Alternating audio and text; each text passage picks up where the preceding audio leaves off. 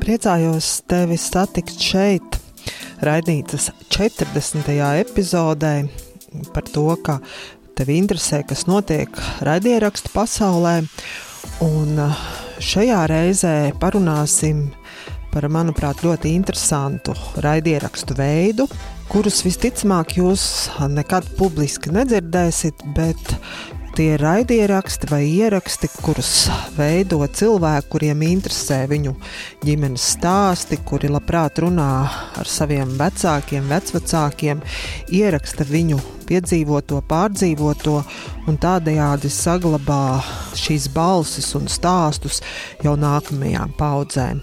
Es zinu, ka ir cilvēki, kas to dara, un šos ierakstus arī ļauj klausīties saviem radiniekiem, saviem tuvākajiem cilvēkiem.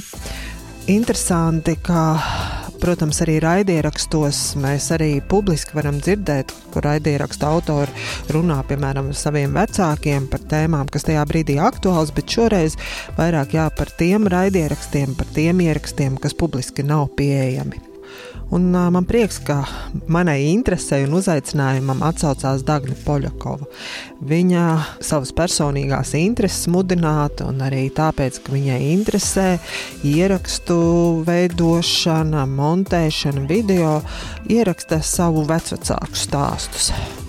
Viņa arī ir uzņēmusi nelielu video filmu par savu vectēvu Un par to, kā Dāngna veido savus ierakstus un kāds ir viņas mērķis, par to šodien raidnīcā jau pavisam drīz. Bet pirms ķeramies klāt sarunai ar Dāngni, Andreja Siliņa veidotie raidierakstu jaunumi. Apvienotās karalistes sabiedriskais medijs BBC paziņojis par savu podkāstu politikas maiņu. Sākot no marta, vairākas BBC radioprogrammas, kas bijušas iecienītas arī podkāstu lietotāju vidū, vispirms mēneša, jeb, ja vēlamies būt precīzi, 28 dienu garumā, būs pieejamas tikai paša BBC izveidotajā aplikācijā Sounds. Jau līdz šim vairāki BBC podkāsti bija pieejami tikai Sounds lietotnē, vai arī pieejama tajā ātrāk nekā trešo pušu platformās. Tagad tas pats būs attiecināms arī uz vairākiem straumēšanas vietnēs iecienītiem BBC radio raidījumu ierakstiem. Šobrīd šādai rīcībai noteikts pagaidu status, proti, BBC testēs, vai šāda pieeja palīdzēs audzēt BBC Sounds aplikācijas lietošanas apjomus. Briti šādu taktiku pamato ar globālajām digitālā audio satura tendencēm, kad straumēšanas platformu pasaules milži arvien vairāk koncentrējas uz pašu radīto vai iegādāto ekskluzīvo saturu. BBC jau iepriekš cīnījušies ar trešo pušu platformām, mēģinot bloķēt savus RSS feedus, jeb barotņu saites, taču biežāk tas beidzies nesekmīgi. BBC uzskata, ka klausītāju virzīšana uz pašu veidoto aplikāciju Sounds palīdzēs arī klausītājiem labāk orientēties un neapjukt, meklējot kvalitatīvu saturu. Arī sava satura virzīšana pašiem savā platformā ir daudz kvalitatīvāka un potenciāli efektīvāka nekā trešo pušu platformās, kur ir tik daudz citu podkāstu ražotāju satura. Straujiem soļiem tuvojas brīdis, kad arī Latvijas radio būs sava aplikācija, kurā būs iespējams klausīties visu iespējamo saturu. Tiešraides, raidījumu ierakstus un podkāstus. Un varu pačukstēt, ka arī mums būs jauns podkāstu saturs, kas būs ekskluzīvi pieejams tikai Latvijas radio jaunajā lietotnē. Bet šobrīd varu tikai atgādināt, ka Lielākajās raidierakstu straumēšanas vietnēs ir pieejamas ap 140 satura vienībām, ko radījis Latvijas radio. Viens no tiem ir oriģināls satura podkāsts Mākslinieks pie mikrofona, kas iepriekš bija zināms ar nosaukumu Mūziķis pie mikrofona. Pagājušajā nedēļā tam sākās jaunā sezona ar jaunu nosaukumu. No mūziķiem redzeslauks paplašināts uz visiem mākslas telpā darbojošamies cilvēkiem. Šajā podkāstā tā vadītāja Anna Marta katru piekdienu sarunājas ar kādu mākslas pasaules pārstāvi, kas dalās ar saviem emocionālās un garīgās veselības pieredzes stāstiem. Viņu mērķis ir darīt citiem zināmu, ka šīs situācijas var skart tik vienu un sniegt atbalstu. Vidi, kurā dzīvojam, viņi vēlas padarīt iejūtīgāku. Un stāstīto papildina certificēts psiholoģis un kognitīvi behaviorālās terapeitas Diana Zandes eksperts viedoklis. Ja tevi šis saturs ieinteresē, tad katru piekdienu jau agri no rīta ir pieejama jauna epizode. Bet tas nav obligāti jāatceras, gluži vienkārši tur, kur klausies podkāstus, ierakst meklētājā mākslinieks pie mikrofona un nospied pogu sekot. Tad nepalaidīs garām katru jauno epizodi. Tik tālu par jaunumiem podkāstu pasaulē, bet tagad jūsu uzmanībai Dace un Dagne par kādu ļoti interesantu, es pat teiktu, unikālu podkāstu. Vai esi gatava sarunai raidnīcā? Nezinu, vai īsti gatava, bet mēģinam, jā. Dāngnē esmu aicinājusi, lai parunātu par to, kā var veidot ģimenes podkāstu. Bet pirms ķeramies mūsu sarunas tēmai klāt, varbūt Dāngnē vispirms izstāsti tava ikdienu un podkāstu. Cik daudz raidierakstiem ir vietas tavā ikdienas dzīvē? Pirmkārt, jau tas, ka es klausos dažādus podkāstus. Jāsaka, gan ka es pārsvarā klausos norvēģu valodā. Ja, un tie ir norvēģu raidījumi, jo es esmu apguvis norvēģu valodu, un tie ir dažni dažādi, ko viņi piedāvā. Kāpēc norvēģu valodā tu izvēlējies klausīties? Nu, gluži vienkārši tāpēc, ka šo valodu esmu apguvusi, un lai tās iemaņas un prasmes nezustu, es meklēju kaut kādu um, formātu, kur es to varu ikdienā klausīties vai nu, pielietot. Un, uh, agrāk tā bija darba joma, šobrīd darbā tas neizdodas. Tad nu, es uh, iz, izvēlos klausīties vai skatīties kādus raidījumus. Klausīties ir vienkāršāk, ieliec austiņās un nepasteigā garā. Un tad tie pārsvarā ir dažādi norvēģu, vairāk tādi dokumentālie stāsti, kurus es klausos. Jā. Un kas interesants ir Norvēģu raidierakstos, kas tagad tev liekas tāds īpaši interesants, ka, kam tu seko līdzi? Tas, kas man bija kā pārsteigums un bija ļoti īpatnēji klausīties, un tāda īpatnēja pieredze, ir eh, kāds viens norvēģu raidieraksts, kurā eh, principā es varu paviesoties sesijā pie psihologa kur reāli cilvēki iet pie psihologa, un tas tiek ierakstīts, un, un protams, ar atļauju un, un tā, bet tik tā ir ļoti tāda īpatnēja pieredze. Tā ir viena lieta, kas man tā uzrunā un aizrauj. Un otra ir šie te, nu jā, cilvēku stāsti. Viņiem diezgan daudz tādu dokumentālie stāsti par dažādiem vēsturiskiem notikumiem, bet tos stāsta caur viena konkrēta cilvēka pieredzi. Un tie ir tie, kurus es pārsvarā klausos patiesībā. Tas ir tas formāts, kas man patīk un kur, par kurus interesējos ko tu redzi, saklausi raidierakstos latviešu valodā, nu, un ja tu salīdzini ar savu norvēģu eh, raidierakstu klausīšanās pieredzi, ko tu teiktu par mūsējiem raidierakstiem? Eh, nu, Latvijā es ļoti daudz neklausos. Es klausos uh, pāris patiesībā. Man ļoti uzrunā pakluso ar Lauru Grēviņu. Kaut kā tādas īstas sarunas tā sajūta šķiet. Um, šādi tad es paklausos funktieri, kas vairāk ir tādi, es sajūtu kā izklaidējošu. Un arī nu, šīs sarunas ar cilvēkiem. Man Latviešu podkāstos man tiešām patīk eh, sarunas ar cilvēkiem, jo tur eh, ir ļoti interesanti klausīties un domāt, kā šis cilvēks ir veidojies, kas viņam ir būtisks, kas nav un kādas tās dzīves izvēles. Tas ir tas, kas, man patīk saklausīt podkāstos. Jā, to, tie ir laikam tie un no cilvēku jauda. Tie ir tie trīs, kurus es eh, visvairāk laikam arī esmu klausījusies. Kas, piemēram, nosaka, ka tu dodies pastaigā un eh, šodien paklausīšos eh, norvēģi raidierakstu, vai šodien paklausīšos, piemēram, pakluso. Kas veido to, to sajūtu vai noskaņojumu, kad tu izvēlies vienu vai otru raidierakstu? Jā, zini, kā es baigi neesmu domājis, tas laikam vairāk no noskaņojuma atkarīgs. Uh, Tad, kad man ir, es esmu pilna enerģijas, tad es, tad es bieži vien izvēlos vai nu cilvēku jaudu, kaut ko tādu, kur tu vari iegūt vēl papildus tādu motivāciju, un iedvesmu un idejas. Tad, kad man gribās tā atslēgties, atpūsties, tad iet vairāk šī norvēģu, norvēģu podkāstu, jo tur es neklausos nekādus, kas, kas ir iedvesmojoši vai, vai tādi nu, uz, uz cilvēku attīstību un tā tālāk. Tie norvēģu tajā pusē man neinteresēs tiešām tādu nu, kā, pēc būtības kā grāmatu lasīt vai kaut kas tamlīdzīgs. Es tā varētu salīdzināt, tādu relaksējošu. Nu, tas ir pēc noskaņojuma, kā es tajā dienā jūtos. Un arī cik gara pastaiga droši vien. Es noteikti nelikšu podkāstu, kas ir stundu garš, ja zinu, ka man tikai līdz veikalam jāaiziet. Tas arī droši vien ir nosacījums. Ja es eju garā pastaigā, jā, tad es varu likt arī šos divus stundu garos un, un izbaudīt. Un cerēs pat pastaigāt ilgāk, lai noklausītos līdz galam. Tu esi ne tikai raidierakstu klausītāja, tu arī līdzdarbojies viena no latviešu raidierakstu tapšanai. Varbūt pastāsti, kur tu pieliec roku, lai latviešu valodā raidierakstu būtu vairāk interesantāk un tā tālāk. Jā, man ir bijusi burvīga pieredze piedalīties cilvēku jaudas podkāstu montēšanā. Tā ir arī mana pirmā pieredze un saskarsme ar podkāstiem. Un es esmu ļoti prie, priecīga redzēt, kā tas izskatās no otras puses. Nevis jau to gatavo produktu, kuru mēs dzirdam Spotify vai redzam YouTube, bet tiešām to, kā tas top. Tā kā es esmu daļā epizodu montēšanā arī piedalījusies cilvēku jaudai. Nu, tad atklāja aizkulises. Kā tas top? Kas ir tas, ko tu uh, redzi, un tā tā daļa, ko, kurā tu piedalies? Jā, nu es principā nodarbojos ar, ar, es nezinu, es to saucu par melno montāžu. Es nezinu, vai tas skaitās kā tāds oficiāls nosaukums, bet principā rediģēju to, to pirmo materiālu, izņem ārā kaut kādus um, sākumu, kur ir riktēšanās un, un kaut kādas tehniskās lietas, uh, salieku, lai tas saturiski ir kā viena vesela saruna. Uh, nu, tā ir tā pamatlieta, ko es darīju. Jā.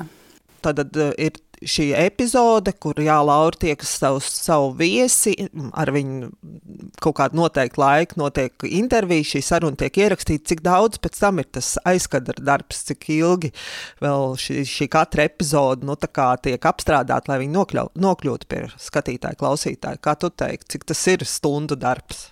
Zini, es konkrētas stundas tev nepateikšu, jo, nu, ņemot vērā, ka es vēl strādāju citu darbu, un man ir trīs bērni mājās, tad nav tā, ka es piesēžos un tagad vienā dienā visu izdaru. Tad tas kā sadalās pa vairākām dienām. Eh, bet tas ir, tas ir noteikti vairāk stundu darbs, un viens jau ir tīri izrediģēt šo melno materiālu tā, lai tā saruna ir viengabalaina, bet klāt jau nāk gan, gan tas sākuma tīzers, kas jāpieliek klāt, un, un, un, un mūziku jāsaliek. Nu, dažni dažādi apkārt lietas, kas vēl papildus ir jāizdara. Šeit gan arī jāsaka, ka, ka cilvēku jauda ir ne tikai Spotify. Te nāk klāt YouTube, un līdz ar to tur ir gan krāsu korekcija dažreiz, gan gan uh, kaut kādi kadri jā, jāmaina, protams. Tad ir uh, arī tas pats tīzers, kas ir uh, šie grafiskie risinājumi. Tas viss jau ir jāizdara. Nu, tas prasa diezgan daudz laika. Um, Jā, tas paņem, tā viena epizode paņem diezgan laika. Jā, bet es gan neesmu viena. Tur ir komanda, kur, kur katrs izdara kaut ko, un tad kopā veidojās šis darbs. Cilvēki jādod gan jāsaka, ka montēt ir diezgan viegli, jo tās sarunas rit raiti. Tas ir eh, ļoti forši. Man nav pieredze ar citiem, es nezinu, bet tā saruna rit raiti, un, un tas ir jau tāds iegājies to darīt. Jā. Un eh, tās visas lietas, ko tu sauc, eh, kas ir jāizdara, tās tu esi apguvusi jau darot, veidojot raidierakstu, vai tu jau to prati, tad, kad to sāk darīt? Es principā nepratu neko.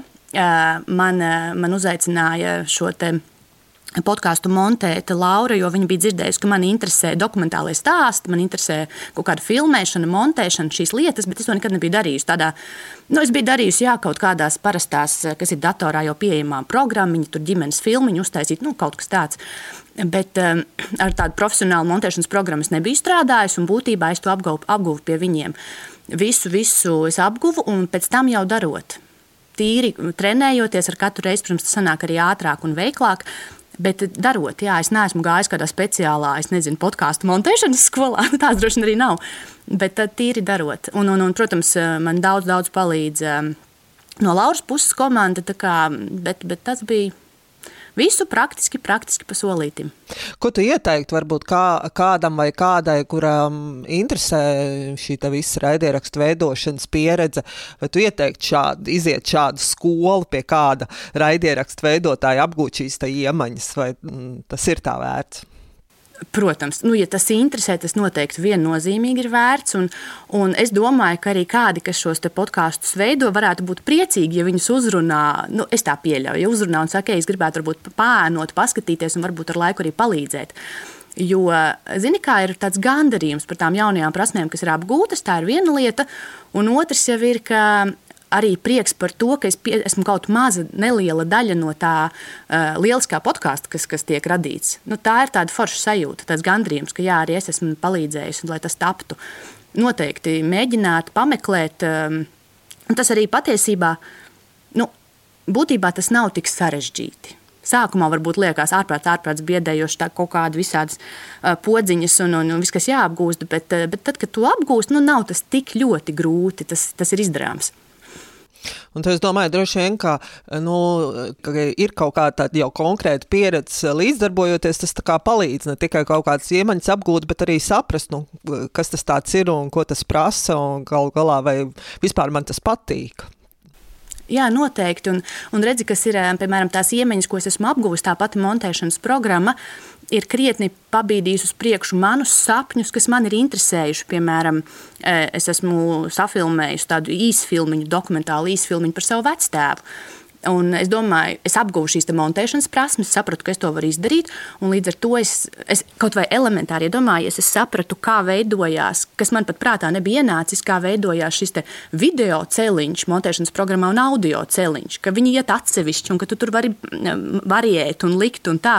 Un tas bija kaut kas tāds man jauns un atklājums pirms, pirms pāris gadiem. Un, jā, un tas man ir rosinājis ka es arī pati varu kaut ko veidot, nu, kas man interesē, veidot kaut kādas savas lietas. Varbūt ne uzreiz publiski, tas vairāk ģimenei paliek, bet jā, es esmu šo to jau darījusi un iesākusi tiešām. Nu, labi, nu tad eh, tu jau sāki runāt par, um, par savu ģimenes, nu, sauksim viņu par ģimenes podkāstu, lai arī kāds tas būtu un kāda ir tā tava iecerē. Nu, kā tas viss sākās? Nu, kā tu izdomāji, ka jā, ir vērts ierakstīt sarunas ar saviem radiniekiem? Es jau būtībā viens ir ierakstīt, tas ir tas, ko es daru pēdējos gadus, bet principā jau tas ir nācis diezgan sen. Es te, es te tieši domāju, kur man tā interese vispār radās par šiem stāstiem, ko, ko stāsta mani, nu, tie ir mani vecvecāki. Um, Gluži vienkārši kaut kādā pamatskolas laikā, vēstures stundā, uh, es atceros, mēs mācāmies par Sibīriju, par izsūtījumiem, un, un tur tik spilgti man tas prātā palicis, ka eh, tas bija tā garām ejot. Tajā un tajā gadā izsūtīja tik tūkstošiem latviešu ģimeņu. Un es, es tik ļoti labi atceros, es sēžu klasē un domāju, bet pagaidi starp šīm ģimenēm. Taču ir reāli. Mana vecmāma, kurai bija 11 gadi, mans vecāks, kuram bija 13 gadi, ar savu ģimeni, un man vecmāma tik daudz ir stāstījusi par to, kā viņi krām, krāmēja mantas, kā viņi brauca, kā tas viss bija vilcienā. Nu, visus šos stāstus. Un man tik spilgti tas saslēdzās kopā, ka aiz šiem skaitļiem jau nav tikai, nu, nav tikai tādi fakti vai ne, sausi cipari, bet tās ir reālas ģimenes, reāli dzīves stāsti, un kas būtībā jau arī ir pēc tam veidojuši mūsu un, un, un tā. Un tāpēc toreiz jau man tā interese tāda radās. Un tad tas, ko es darīju agrāk, es eh, šo to uz lapiņām pierakstīju. Tad es, eh, es mēdzu kaut ko pafilmēt, nu, piemēram, ar fotoaparātu tīri. Man kaut kā likās, uh, Jā, mēs sarunājamies, tas ir ļoti kvalitatīvi un forši pavadīts laiks ar vecākiem, bet man palika tā kā, nu, nevis bailes, nevarētu teikt bail, bet man gribās tos stāstus atcerēties autentiskus. Man, es zinu, ka man prātā ir dažni dažādi, ko man vecāki ir stāstījuši, bet tā pārstāstot, pārstāstot, kaut kas jau tur zūd, tur zūd droši vien tā emocija, tur zūd e, nu, kaut kāda. Tā informācija, tā kā pārstāstot, pārstāstot, mainās. Un man gribējās šo autentisko sajūtu, un tad es jau diezgan sen atpakaļ sāku filmēt vecmāmu. Viņa man ir ļoti runīga, tāpēc arī nebija problēmas. Es viņai teicu, tā, te es nolikšu kameru, un tagad pastāst man par savu bērnības pieredzi. Un viņa labprāt, un, un tā. Uh, uh, un tad, uh, nu jā, un tad es būtībā kaut kādos, es jau nezinu, cik, cik gadus atpakaļ es sāku šos video veidot. Tīri, lai paliek man ģimenē. Es nezinu, kur es to kad izmantošu, es nezinu. Man tas krājās, man tas ir svarīgi. Man gribās, lai tie stāsti paliek. Vienbrīd domāju, ka jā, un tad mazbērniem un mazmazbērniem būs interesanti paskatīties. To jau es nezinu. Vai viņiem būs tā interese, bet man tā interese ir, un man viņa neliek mieru, un tāpēc es arī to, to saglabāju. Tāds, zini, ģimenes arhivārs, nē, dokumentētāji, es nezinu, kā to nosaukt. Es, jā, es to daru jau labu laiku. Eh, cik daudz sarunas jau esi ierakstījusi?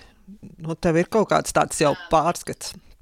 Zini, kā par pārskatu tas ir labi, ka tu man jautā, jo tad, kad tu arī man uzrunāji par šo, nu, kad tu nosauci to savienojumu ģimenes podkāstu, es sapratu, ej, paga, paga, pārskata man nav. man ir, nu, zini, kā, kā jau parasti mēs kaut ko sabildējam, svētku, un tad tās bildes sametam čupā datorā, un tu pat nevaram vairs pēc tam atrast. Nu, man vismaz ir kaut kur kādās divās, trīs mapītēs tas viss salikts, bet tas nav saorganizēts. Un šis ģimenes podkāsts, tas ir tāda laba iedvesma un laba motivācija izveidot, um, sakārtot tos ierakstus, kuri man jau ir, uh, lai, lai tie paliek mūsu ģimenē jau kā, nu, kā reāli, nu, kā epizodes. Pirmā epizode vectēvs stāsta par to un to, otrā epizode vecmāmiņa stāsta par to un to. Tā kā sakārtot ģimenes podkāstu variantā. Tas ir mans nākamais uzdevums. Cik man to stāstu ir? Nu, ir diezgan, Un tie ir pārsvarā tādas sadzīviskas sarunas, kuras izvēršas pēc tam par tādu ļoti interesantiem atskatiem uz to, kā, kā mani vecāki ir auguši. Un, un kā viņu dzīves ir veidojušās, kā viņu izvēles ir, ir tapušas un lēmumi pieņemti. Ļoti, ļoti interesanti. Tas man kaut kā ļoti saista. Ar ko tu esi savā ģimenē runājis, tās sarunas ierakstījis tieši? man ir ļoti, ļoti paveicies. Man ir visi mani četri vecāki. Un, uh, Un šīs sarunas, nu, es, sarunā, es, es braucu ciemos diezgan regulāri pie visiem viņiem, un, un diezgan daudz mēs arī plēpājam. Un, protams, nav jau tā, ka es vienmēr ar diktofonu pa priekšu, un tagad nu, rakstīsim sarunas. Nu, nē. Bet tie ir mani pārstāvji, mani vecāki. Abas vecmāmas esmu diezgan daudz ierakstījusi un pafilmējusi. Un tā, un, un tad ir mans vectēvs, kurš ilgus gadus neko vispār nestāstīja. Pilnīgi absolūti. Viņš, viņš kategoriski atteicās vispār runāt par to, kā viņam ir gājis bērnībā, jaunībā. Un tad burtiski pēdējos trīs gados viņš ir sācis vairāk stāstīt, un to es tā, tā apzina, apzināti, cītīgi ierakstu, lai man paliek arī šie viņa vec, mana vectēva stāsti. Nu, tie ir būtībā mani četri vecāki. Vai tev ir bijusi kāda saruna vai kāds radinieks, ar kuru tu gribētu, bet vēl neesi ierakstījis sarunu? Nu, kaut kāda iemesla dēļ. Dace, es gribētu ar visiem. Bet tas nav tik vienkārši. Man, es esmu tāda, kurai patīk runāt, sazināt, plēpāt un, un stāstīt. Es gribētu, es gribētu šādas sarunas gan ar māmu, gan ar tēti, ar krustmātu un principā ar visiem. Maniem radiem, nu, kas mēs esam tuvākie, kas mēs ikdienā tiekamies. Un tas nav obligāti stāstīt kaut kādus pagātnes piedzīvojumus, bet vienkārši tādas sarunas, par ko tu sapņoji, ka tu biji mazs, vai nu, vienalga kaut kādus tādus kāpēc tu izlēmi, kādi bija tavi lēmumi, ko, tu izvēlējies strādāt, kur tu dzīvot. Nu, viss, eh, jebkādi. Man ir interesanti, jā, kas ir tā vide, kur, kur ir manējie auguši un kas viņus ir veidojis. Un es labprāt, es, es gribētu ar visiem pēc kārtas, bet es tā saprotu, ka ne visiem ir tā vēlme beigta plāpāt. Tā kā, nu, skatīšos ar laiku, kā, kā, kā tas veidosies. Uh, Tev jau nav ģimenē, ka tev tā Dāngna ar mikrofonu, ka ierauga tevi un uzreiz atgaiņājās. Nē, nav kā atgaiņājās, bet, bet zini, kā ir. Piemēram, nu pat Ziemassvētkos mēs bijām visi kopā, un tad vectēvs skaitīja tālus taurētāju. Viņš joprojām zina visu tālus taurētāju no galvas. Man nebija nejausmas, ka tik garš tas dzējols ir. Un tajā brīdī automātiski ģimenē visi, kas man tur sēž apkārt, viņi uz mani skatās. Nu, taču sāc ierakstīt, nu, taču noliec to, to diktofonu vai paņem kameru. Nu, ka es esmu tā, kas parūpējās par, tos, par tos, nu, to, to notikumu saglabāšanu. Nu, ļoti labi, ka es arī paņēmu un ierakstīju, labi, ka man bija diktofons tajā dienā, jo viņš arī ļoti skaistu dziesmu nodziedāja, kur mēs vispirmo reizi dzirdējām. Tas bija ļoti aizkustinoši. Tā kā, jā, nu, nav tā, ka visi uzreiz sāk vairīties, visi vairāk gaida, ka es būšu tā, kas to visu piefiksēs, jo man tas vienkārši interesē. Un kā tu redzi, e, tās sarunas, ko tu ieraksti, mainās? Tur ir kaut kā tā, ka nu, ir kaut kādas, varbūt e, e, tas, ko paši grib stāstīt, un tad jau tu mērķiecīgi ieslēdz mikrofonu, uzdod tos jautājumus, vai nu, kaut kādas tās lietas, kas tevi interesē, kā tā varbūt tā jūsu sar sarunu dinamika mainās, vai tur kaut kas mainās? Jā, noteikti. Šis īstenībā ir ļoti, ļoti trāpīgs jautājums, jo uh, tad, kad es, es gāju kino režijas kursos, un um, es izlēmu taisīt tādu izfilmu par vectēvu. Un, uh, un es zināju, ka man vajag, man vajag viņu nofilmēt, tā izfilmē. Un es, protams, tā sarunāju ar viņu, un es braucu, un man tagad ir diktofons, un man ir kamera. Un, un, protams, man tie ieraksti ir tie, ko vecāks ir stāstījis, bet tajā brīdī tu vari just, ka tas ir tā, ah, nu man kaut kas ir jāizstāsta. Nu, tas ir tā, man ir jāizstāsta stāsts. Tā izdomāju, labi, es stāstīšu par to un to, nu, piemēram, par medībām vai kaut ko. Es stāstīšu stāstu. Un tad var just, ka trūkst kaut kur tāda, nu, tāda nepiespiesta gaisotne, brīvums, brīvība. Un tad, eh, lai šī filma taptu, es eh, pēkšņi viena mēneša laikā braucu katru, nezinu, katru nedēļu. Mēs, tas, tam, tas bija vajadzīgs laiks, lai, lai vecāks atvērtos un ļautos šai stāstīšanai. Tas nenotika vienā dienā. Jā, man vecmam varētu stāstīt visu laiku, bet man kaut kā tieši gribējās notvert to vecā tēva stāstu. Un tad, un tas prasīja ilgāku laiku. Viņš redzēja, ka es to diktofonu ieslēdzu, kameras nedrīkstēju slēgt iekšā. Nē, nē, nē, tas ir papildus uztraukums. Bet diktofoni jā, labi. Un tad šīs sarunas virzījās. Es sākumā uzdevu jautājumus, es arī uzdevu jautājumu konkrētas lietas, jo es daudz ko biju dzirdējis. Man gribējās tā kā, nu, tā kā padziļinātāk kā viņš to atcerās un kā tas ir bijis. Un, un, un tad jau tajā, tagad es pilgi atceros, ceturtajā reizē, kad es biju aizbraukusi ciemos, tad tā saruna izvērtās ļoti īsta. Un, un tas, kas laikam arī ļoti labi nospēlēja lomu, bija tas, ka mēs sēdējām virtuvē un sāka krēslot. Un es neieslēdzu gaismu virtuvē. Es biju tuvāk tam slēdzim, es neieslēdzu gaismu. Un tā krēsla, un mēs jau spļāpājām kādu stundu, varbūt pat vairāk. Un, zini, kā, nu, tu jau droši vien saproti to noskaņu, kad ir tāds plēpājamais noskaņojums, sarunu noskaņojums. Un, un, un tad izdevās tiešām noķert tādus um, aizkustinošus stāstus, kas man tiešām aizkustināja un lika tā sirsniņai nodarbēt par to, kam gājuši cauri ir manējie, un, un, un tāds no, ļoti aizkustinoši, ļoti aizkustinoši, un reizē ar tādu milzu pateicību par to, ka, ka tā pasaule, kurā var dzīvot es un kurā var dzīvot mani bērni, ir tāda, kā ir šodien. Tiešām tāda pateicības sajūta. Tur nāk tādas Jā, uzreiz emocijas. Arī tagad, šobrīd stāstot, eh, tie, tās sarunas tiešām ceturtajā reizē izdevās tādas īstas, patiesas, tuvas. Tam bija vajadzīgs laiks. Man būtu tāds piedāvājums, nu, tavs, protams, ieraksts publiski neviens nevar dzirdēt, bet, nu, lai vismaz mums būtu kaut kāds priekšstats par to, kā tas izklausās, varbūt tu varētu mums ļaut tā kā pa, nezinu, atslēgas caurumu, bet klausāmā veidā vienkārši ieskatīties kaut kādā fragmentā. Varbūt tu vari izvēlēties kādu un to, nu, pastāstīt mums, un tad mums būtu iespēja vismaz kaut ko sadzirdēt no tā, ko tu esi ierakstījis jau. Jā, starp citu, es domāju, ka jā, un man arī nāk prātā tas viens tieši arī tā vakara stāsts, kas mani tā aizķēra pašu. Um, tas ir stāsts par manu vecstāvu, ka, kad, um, tas bija laiks, kad es īsumā izstāstīšu to kontekstu. Um, tas bija laiks, kad vācu karaspēks atkāpās un nāca Krievijā iekšā Latvijā. Tas šķiet bija 44. gada rudens. Un, un es šo nemaz nezināju. Tas man bija pārsteigums, ka vecāks stāstīja, ka uh, viņi bija dzirdējuši, ka tā fronte ies tur, kur viņi tieši dzīvo, pāri viņu mājām, frontes līnija. Un vecāta tēvs savāca visu savu ģimeni, savus radus, un viņi devās bēgļu gaitās uz robežiem. It kā liekas, nu, tas ir no Tomes, pie, kas ir pie, pie ķeguma. Devās uz robežiem. Mūsdienās liekas diezgan tuvu, bet nu, tajā laikā jāsaprot, viņi devās ar zirgiem, ar gotiņām, ar ratiem. Un, Un vectēvam tad bija deviņi gadi, deviņgadīgs puika. Un viņš to stāsta, un es salieku tos ciparus kopā. Jā, viņam bija deviņi gadi, un šobrīd man aug deviņgadīgs dēls. Un ka vectēvs stāsta, kā tas ir bijis, kā viņi ir gājuši, kā, kā, kā tas ir noticis, un kā viņi nonāk tajos robežos, un tā frontes līnija tieši iet pāri robežiem. Iedomājies, ja viņi tā kā muka, nu viens jau nezināja, kur tieši tā frontes līnija dosies. Un viņi tieši nonāca tur, kur notiek šīs, te, šīs te apšaudes vai kā. Un, un ka viņš stāsta, kā viņš ir ieracies, eh, nu, tā kā tupus pavadījis nakti, kad, kad lido šķēmbas un skan šie uz, uzlidojumi un viss. Nu, man, man tās sajūtas, kas man pārņēma tajā brīdī, man likās ārprāts ārprāts mans vectēvs, kā mazs puika, un ne jau tikai viņš, viņa māsa, viņa brālis, vecāki.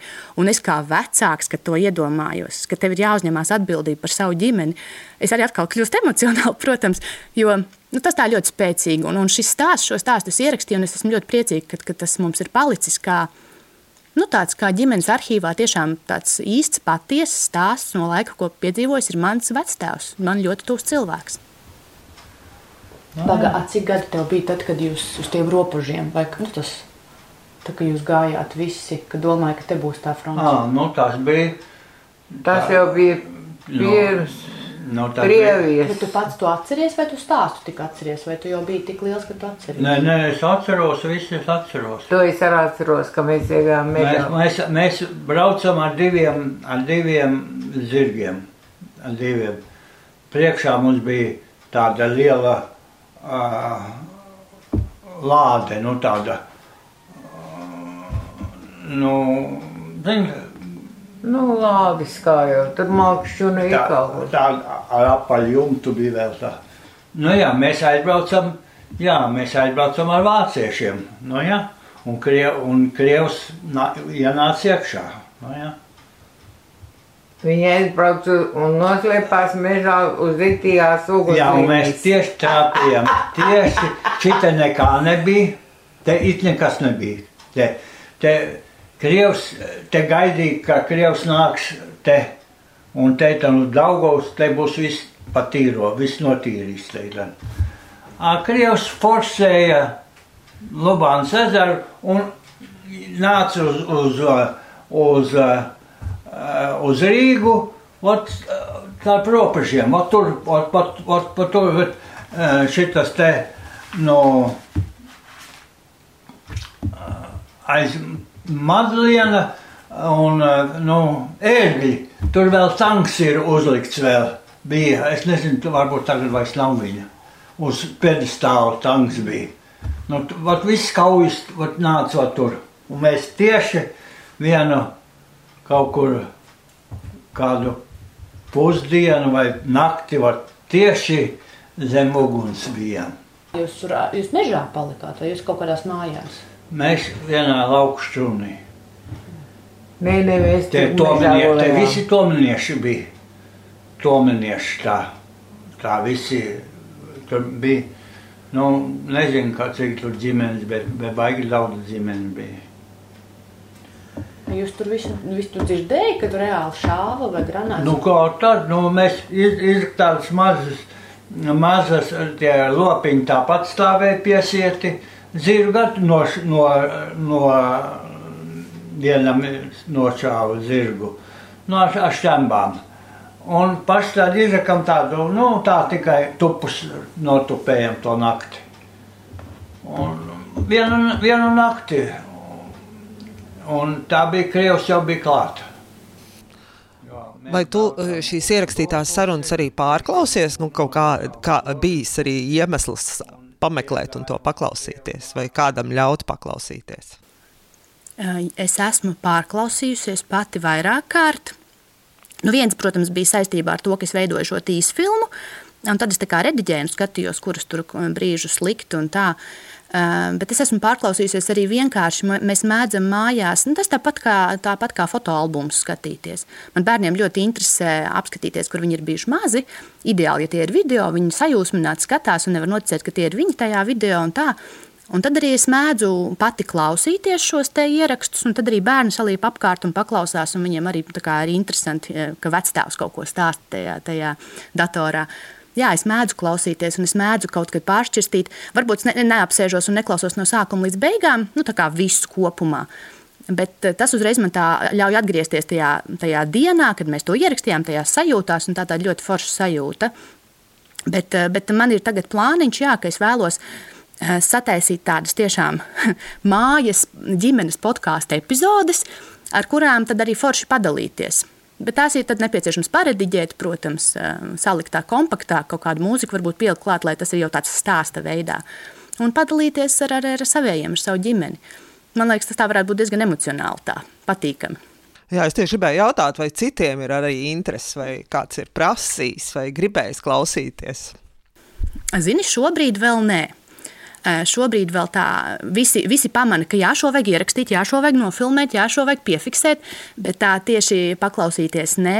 Eh, Ir bijis aizkustinājums, tad, kad es esmu rādījusi kaut kādus savus samontētus video, ko es esmu taisījusi, bet tāpats kāds pajautājis nav. Bet redzi, kas ir, em, nu, mēs visi neesam mūžīgi, vai ne? Un es ticu, ka tam, ko es daru šodien, tie ieraksti, eh, ka, ka pēc 5, 10 un 15 gadiem tie būs daudz lielāka vērtība. jo es arī, kad es par šo savu aizrautību stāstīju draudzenēm, tad pie divām no viņām es esmu bijusi ciemos un vienkārši palīdzējusi un esmu ierakstījusi viņu ģimeņu stāstus. Jo viņi tieši tā arī saka, es gribu, lai mums paliek ģimenē, nu, tā kā mūsu vecāku stāsti. Jo nu, mēs neesam mūžīgi, neviens vai ne. Un tad es domāju, ka tad, tad tas brīdis arī, kad mēs novērtēsim. Kā jau tev iepriekš minēju, es nezinu, es tagad ierakstu, man gluži vienkārši interesanti. Un es nezinu, vai to es kaut kad kādreiz kaut kur tā izmantošu, piemēram, publiski vai kā. Bet tam noteikti būs tāda liela vērtība mūsu ģimenē kā tādā. Nu, šie te, laika, laika piezīmes vai kaut kas tāds. Jo, zini, kā um, es par šo arī tieši biju domājis, ka tad, kad, tad, kad ir runa par kādiem zināmiem cilvēkiem, nu, tāpat Latvijā, gan Latvijas rādio, gan Google, gan internetā var atrast eh, daž, dažādas intervijas, piemēram, sarunas ar tādiem pasaules, nu, Latvijā zināmiem cilvēkiem. Un es esmu ļoti daudz skatījusies raidījumus par dažādām personībām, es dokumentālās filmas, kas mani saista, es esmu klausījusies intervijas, visu ko. Un tajā brīdī sapratu, bet paga par pašiem maniem tuvākajiem man jau nav. Un neviens jau nebrauks tagad filmēšanas komandu pie manis un tagad, nu, tagad pastāstiet, kā jūs dzīvojat, vai, vai nu, vienalga kāds. Un tad es sapratu, ka, nu, jā, ka es gribu, es gribu, lai ir par tiem maniem tuvākajiem tieši. Un tad, tāpēc es te tā arī kaut ko rosos. Nu, ar vecākiem vēl ierakstīt sarunas ir salīdzinoši viegli. Nu, man tā liekas, jo viņi tiešām ģimenē ir tādi stāstnieki, un ir arī laiks, lai kaut ko pastāstītu, vai ir vairāk ko stāstīt. Bet vai tu esi domājis par sarunām ar savu mammu vai savu tēti? Redzi, tu tik precīzi, tu tik precīzi pamanīji to atšķirību, ka vecākiem ir laiks Un tāpēc es pie viņiem ļoti bieži braucu, un tiešām viņiem ir laiks sēdēt, plāpāt un stāstīt. Un, eh, un tad es vienā dienā domāju, es arī to, šo esmu domājusi. Es ļoti gribētu ierakstīt ar saviem vecākiem. Es neesmu viņiem jautājusi gan. Tur jājautā, jo tas ir, jā, tas ir interesanti, kā, kā tikt pie šīs atvēršanās un izpratnes, ka jā, man tagad ieraksta. Nu, tad, nu, tagad es stāstīšu. Jā, man tā vēlme ir. Es domāju, ka ar laiku, tad, kad varbūt es sakārtošu to savu pašu, kas ir šobrīd, un, un, un kad, kad, kad dzirdēs, varbūt kāds ģimenē vairāk, nu, kas ir tapis. Varbūt tad arī tā interese, ka arī es gribu pastāstīt, vairāk varētu rasties. Un tas būtu tā kā, jā, aiziet, pastāstam arī mēs.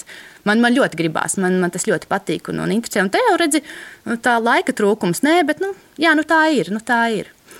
Bet, starp citu, vienkārši pēkšņi atcerējos, tu saki par māmu, tēti. Arī eh, cik interesanti, es ne tikai vecākus ierakstu, es esmu aizrausies ar kaut kādu skaņu ierakstīšanu, bet viena no tām ir tik interesanta tieši pandēmijas kontekstā. Nu kā mēs tikko, kad viss sākās, jā, viss aizvarās ciet, mēs vispār netikāmies. Un man, kā tādam komunikablam cilvēkam, ir ļoti svarīga šī tikšanās ar saviem. Ārkārtīgi tas pietrūka, ārkārtīgi. Un tad, kad bija jau mierīgāks laiks, vasaras beigas kaut kas, tad mums bija ballīte pa ilgiem laikiem.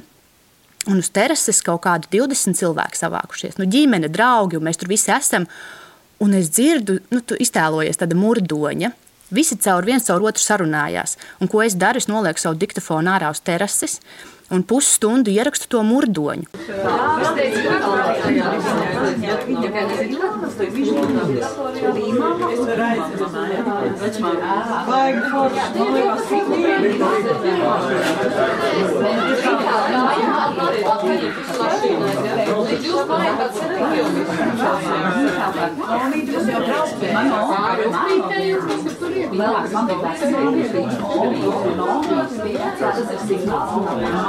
Tā liekas, nu kas tad tur ir? Vienkārši kaut kāds viens iesmējās, viens kaut ko skaļāk pasaka, kaut kas fonā runā sieviešu balss, vīriešu balss. Bet tajā kontekstā, ka mēs beidzot atkal visi esam satikušies pēc šī pandēmijas gada, man liekas, nu tik, tik vērtīgs tas ieraksts, kurus viņi izmantošu. Es nezinu, bet man kaut kā arī tādas laika piezīmes patīk. Nu, es tādas lietas arī saglabāju, ļoti īpatnēji. Nu, jā.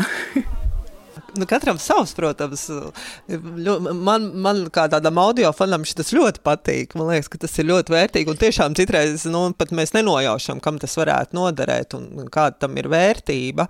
Tā kā jā, tas, ko tu teici pie vectēva, vairākas reizes aizbraukt un ļauties tai sarunai un ļauties vienam otram, nu, ka tas ir viens ir laiks, bet arī jā, kad man liekas, ka citreiz mēs, piemēram, saviem vecvecākiem vairāk ļaujam būt viņiem pašiem un ļaujam kā kaut kā savukārt ar mammu un tēti, tur jau ir kaut kas jau tāds vēl, nu, kaut kādas tādas vēl saites, kas tam dabiskumam, man liekas, nu, ir grūtāk ļauties.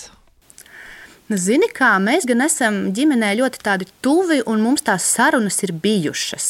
Un, bet, protams, ir jau tā lieta, ka es jau nestaigāju ar to diktofonu apkārt.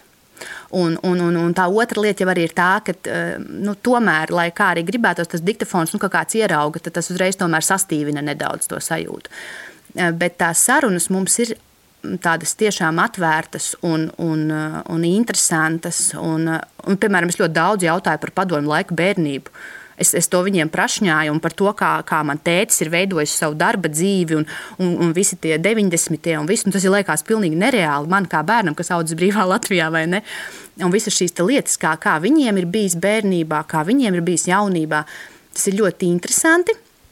Uh, bet, uh, jā, nu, es domāju, ka pareizi tu saki, jānobriest līdz tam brīdim, kad es tiešām aizbraucu un, un, un piedāvāju. Un saku, es labprāt ierakstītu. Tas ir ļoti interesants uh, brīdis. Es nezinu, varbūt viņi klausīsies šo un tad izdomās, jā, labi, Dārgai, aiziet. es nezinu. Varbūt tiešām. Es pat neesmu pajautājis. Tieši tā, jāpajautā, vai ne? nu, es ceru, ka mūsu saruna ir kādu nu, kā iekārdinājusi un varbūt uh, pamudinājusi kaut ko tādu darīt. Uh, Bet uh, ir tā otra puse, tā tehniskā. Protams, mums visiem ir telefoni, kuros visus var ierakstīt. Tā nav problēma. Pēc tam ir tā kā, ko ar to visu iesākt. Nu, varbūt tev ir kaut kādi ieteikumi tiem, kuri kaut ko tādu grib, bet nu, nav saprašanas tieši no tās tehniskās puses. Varbūt tev ir kādi ieteikumi, no nu, ar ko sākt, kā darīt, kas ir tas, tas, tas pats vienkāršākais, kā mēs to varam izdarīt un, un kaut ko tādu vismaz pamēģināt un saprast, vai mums tas patīk un dara. Mm -hmm. nu, redz, es jau sāku tieši tā, arī es sāku, ka man bija līdzi telefons. Un tas patiesībā arī ar to arī gribētu iedrošināt, ka pateicoties tam, ka šīs tehnoloģijas jau ir tik tālu, ka mums ir šie telefoni. Nu, parasti jau mēs savācamies uh, kaut kur ciemos, un uz galda tas telefons stāv, un tad nospiest to ierakstīšanas pogu. Tas jau būtu sākums, tas pirmais solis noteikti, jo man ir daudz arī telefonu ierakstu, un viņi ir pietiekami tādām tiešām ģimenes podkāstu vajadzībām, pietiekami kvalitatīvi. Tas ir viens, ko es daru.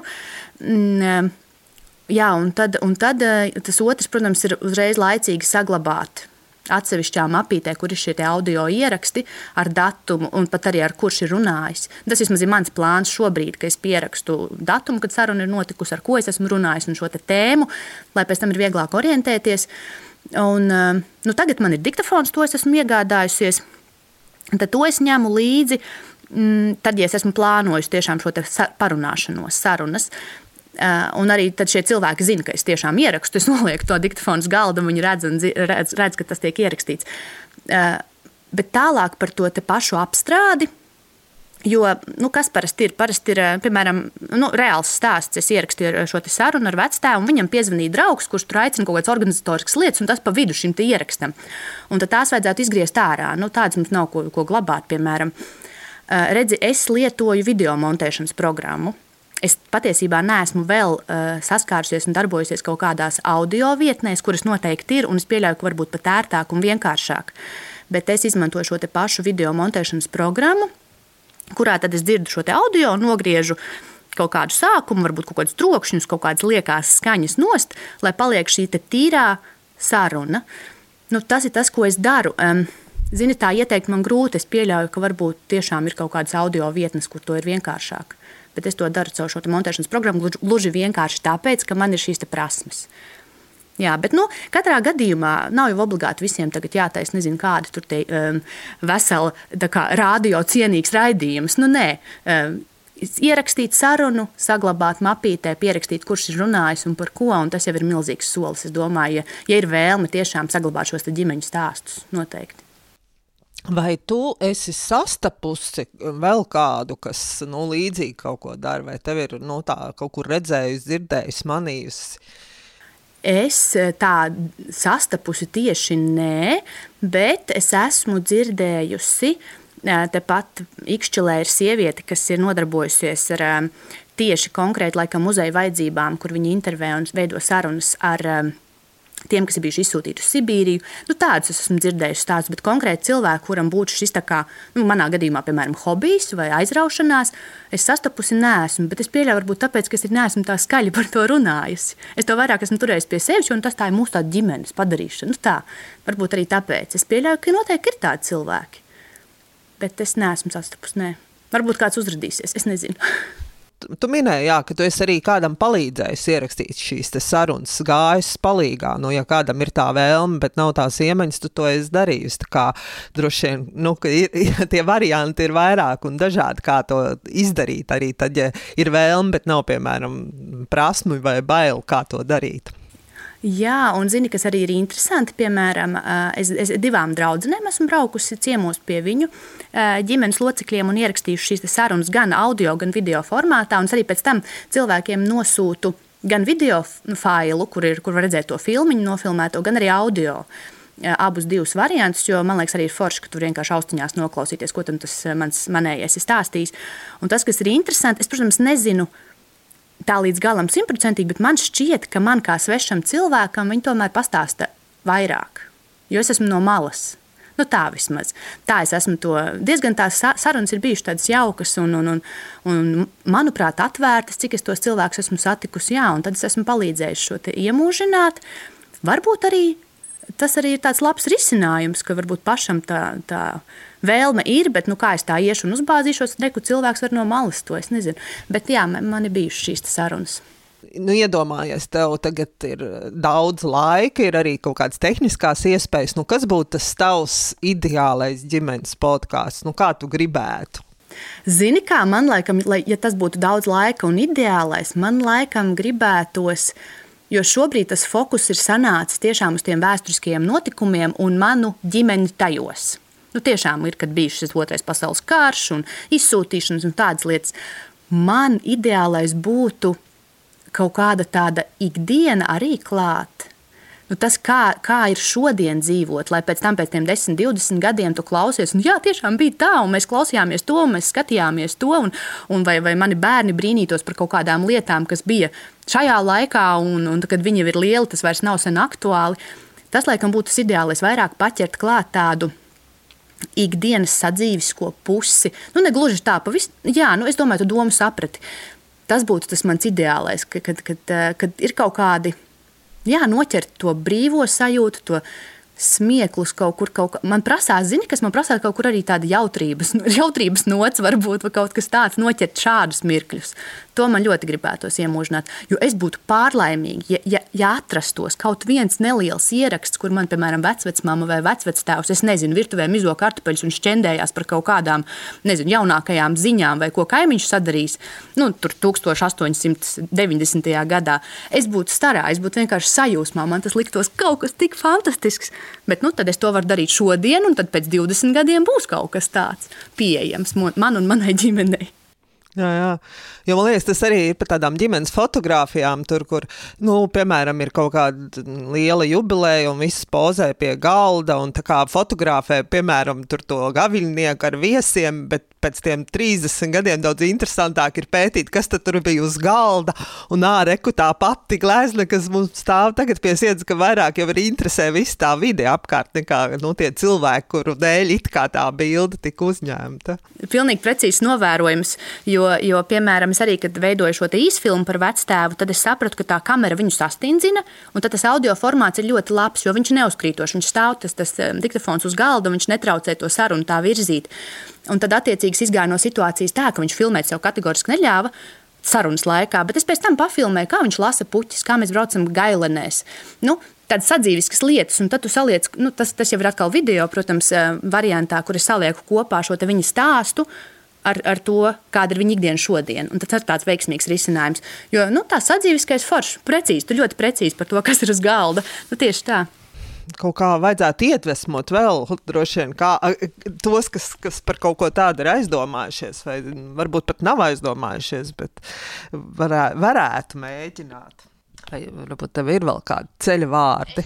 Jā, es, no, es pilnīgi ticu, ka nu, ne, nevar jau tā, es nevaru zināt, protams, ka katrā ģimenē visiem vai kā, bet es ticu, ka ģimenēs ir kāds stāstnieks. Nu, ir kāds, kuram patīk parunāties, ir kāds, kuram, eh, kuram ir eh, tā dzīves pieredze bijusi tik raiba, jautra, interesanta. Tiešām eh, nenobīties un, un pajautāt, piedāvāt, ka, hei, klausies, tavs stāsts ir tik interesanti, man tas tā iedvesmo, varbūt tu, tu esi gatavs padalīties ar mani, un tad tas ģimenes loceklis var pastāstīt. Un man liekas, nu, piemēram, ja man tā pajautāt, es būtu laimīga. man liktos, o, cik forši kāda bija interesē, kā tad man ir gājis, kā es esmu, es nezinu, augusi, mācījusies, strādājis un tā tālāk. Nu, kad, kad tu man esi svarīgs, man ir interesanti ar tevi sarunāties, nu, pastāsti, kā tu esi audzis, kā tu esi veidojies. Un tas man liekas tā forši, un tas ir tāds, nu, jauki pavadīts laiks kopā. Tas dod kaut kādu tādu lielāku, tādu, nu, tādu vērtības sajūtu. Nu, man vismaz Tad kad, tad, kad es ierakstu šos te, kurus, nu, kā jau minēju, es pat nezinu, kurus viņus kādreiz tā tiešām izmantošu kaut kur. Varbūt viņi man stāvēs tā arī mapītēs, bet, bet tās sarunas, tie brīži, kad mēs reāli sēžam un sarunājamies, tas man dod kaut kādu pamatīguma sajūtu. Nu, tādu, ka, jā, man nu, cik fantastiski, ka man, tā, nu, ka man ir tā ģimene, tā, tā, tā, tā, tā ka es esmu cēlusies no šiem cilvēkiem, un man ir tik interesanti uzzināt, kā viņi ir veidojušies, un līdz ar to tālāk arī kā es esmu veidojusies. Nu, tāda, tāda, man tas dod tādu baigo jēgu un vērtību. Un es ticu, ka, ka noteikti ka ka cilvēkiem ģimenēs ir tiešām fantastiski, aizraujoši un interesanti stāsti, kurus ir vērts saglabāt bērniem, mazbērniem, sev pašiem, vai ne? Jā, noteikti. Un es tev novēlu, ka tev atradīsies laiks un iespēja arī vēl ierakstīt sarunas ar vēl citiem saviem radiem, ar kuriem tu vēlētos un kuriem būtu ko pastāstīt. Un, kas to zina, varbūt paies vēl kāds laiks, un tu varēsi ierakstīt sarunas arī ar saviem bērniem, un, un tad viņu stāsts jau atstāt tālāk viņu bērniem, vai ne? Tieši tā. Nu, es jau esmu šo to arī bērniem ierakstījis. Bērniem jau tas ir aktuālāk, kaut kādi mazie video un audio ieraksti. Bet, bet jā, es, es ceru, jā. Un īsnībā tu jau mani šobrīd pat iedvesmo. Es taču varu pajautāt. Ar savu krustmāti parunāties. Es domāju, viņi būtu mieru. Kāpēc ne? Vienkārši pajautāt ar māmu, ar tēti. Tiešām forši. Cerams, ka mūsu saruna arī iedvesmos vēl kādu, sāk kaut ko tādu darīt un ar to dalīties tālāk.